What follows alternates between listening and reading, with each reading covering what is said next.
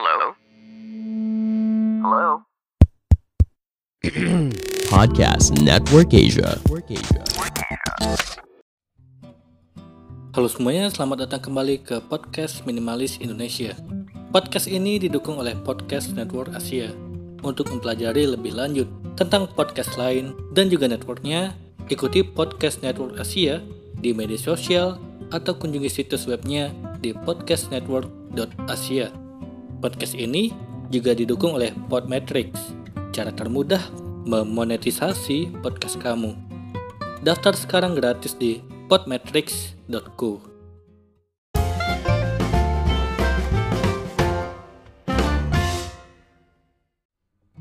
Halo semuanya, kembali lagi bersama saya Madianto.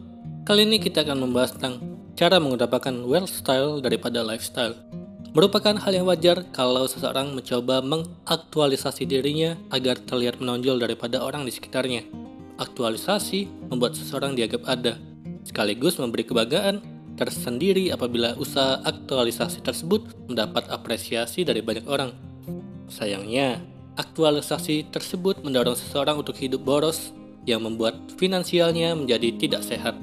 Agar hal ini tidak berlarut-larut terjadi, berikut cara mengesampingkan aktualisasi diri demi terwujudnya kemakmuran keuangan. Yang pertama, hanya membeli barang yang dibutuhkan. Belajarlah memprioritaskan kebutuhan sebelum budget bulanan didominasi oleh daftar keinginan, karena pada dasarnya keinginan tidak akan ada habisnya.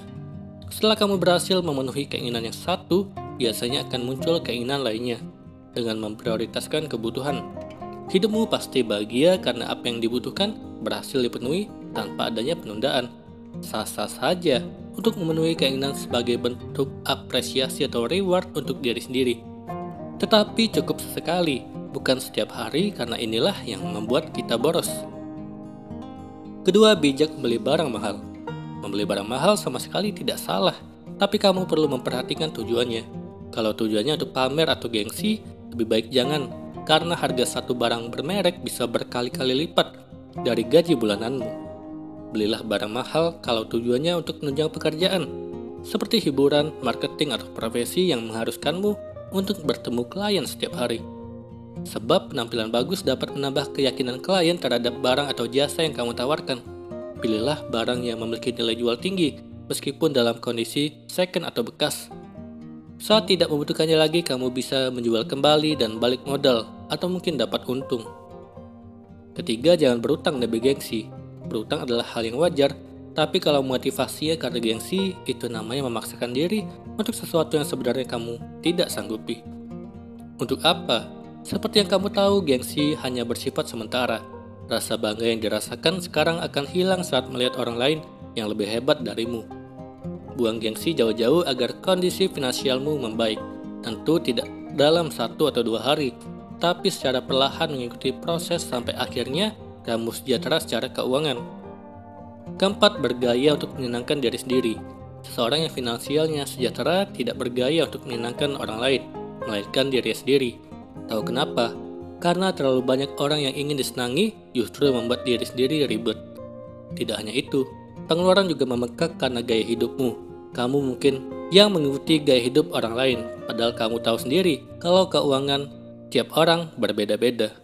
Validasi dari diri sendiri sudah lebih dari cukup untuk membuat dirimu bahagia. Apalagi sejatinya, orang yang perlu kamu bahagiakan di dunia ini adalah diri sendiri, bukan orang lain. Kelima, berlatih mengatakan tidak. Latihlah dirimu dari sekarang untuk berani mengatakan tidak kepada orang lain demi terwujudnya kesejahteraan finansial. Dengan menolak, kamu berhasil menyelamatkan dompetmu dari pengeluaran yang tidak seharusnya. Berbagai ajakan yang perlu ditolak seperti makan siang di luar, ngopi setelah pulang kerja, hangout setiap weekend, dan berbagai hal lainnya. Tak perlu khawatir, tolakanmu pasti dapat dimaklumi orang lain asal kamu imbangi dengan alasan yang logis, pastinya dengan bahasa yang sopan, agar orang itu tidak tersinggung. Keenam, belajar memadukan pakaian, salah satu keahlian yang dimiliki oleh orang-orang yang kaya di luar sana karena terbukti ampuh mengurangi pengeluaran. Kamu tidak kamu tidak perlu membeli pakaian setiap bulan, sebab pakaian lama yang dipadukan dengan barang lain membuat penampilanmu selalu terlihat baru. Ketujuh, perbanyak investasi. Orang yang kaya secara keuangan meningkatkan pengeluarannya untuk investasi, bukan untuk foya-foya. Investasi dipercaya dapat menyelamatkan finansial dari gejolak ekonomi yang bisa terjadi kapan saja. Investasi juga dapat menjamin kehidupan pada hari tua. Presentasi investasi yang ideal adalah 15-30% dari total penghasilan bulanan. Kamu bisa sesuaikan dengan kondisi finansialmu saat ini. Dengan berinvestasi secara rutin, kamu sudah menjadi bagian dari orang-orang yang kaya meskipun jumlah yang disisikan belum seberapa. Setidaknya kamu menunjukkan kepedulianmu akan kehidupan dan kebahagiaan untuk hari esok.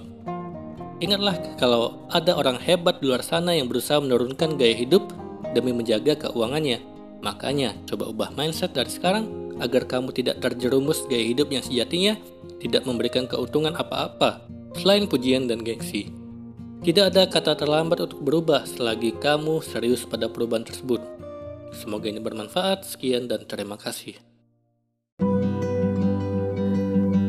Pandangan dan opini yang disampaikan oleh kreator podcast, host, dan tamu tidak mencerminkan kebijakan resmi dan bagian dari podcast Network Asia. Setiap konten yang disampaikan mereka di dalam podcast adalah opini mereka sendiri dan tidak bermaksud untuk merugikan agama, grup etnik, perkumpulan, organisasi, perusahaan, perorangan, atau siapa pun dan apa pun.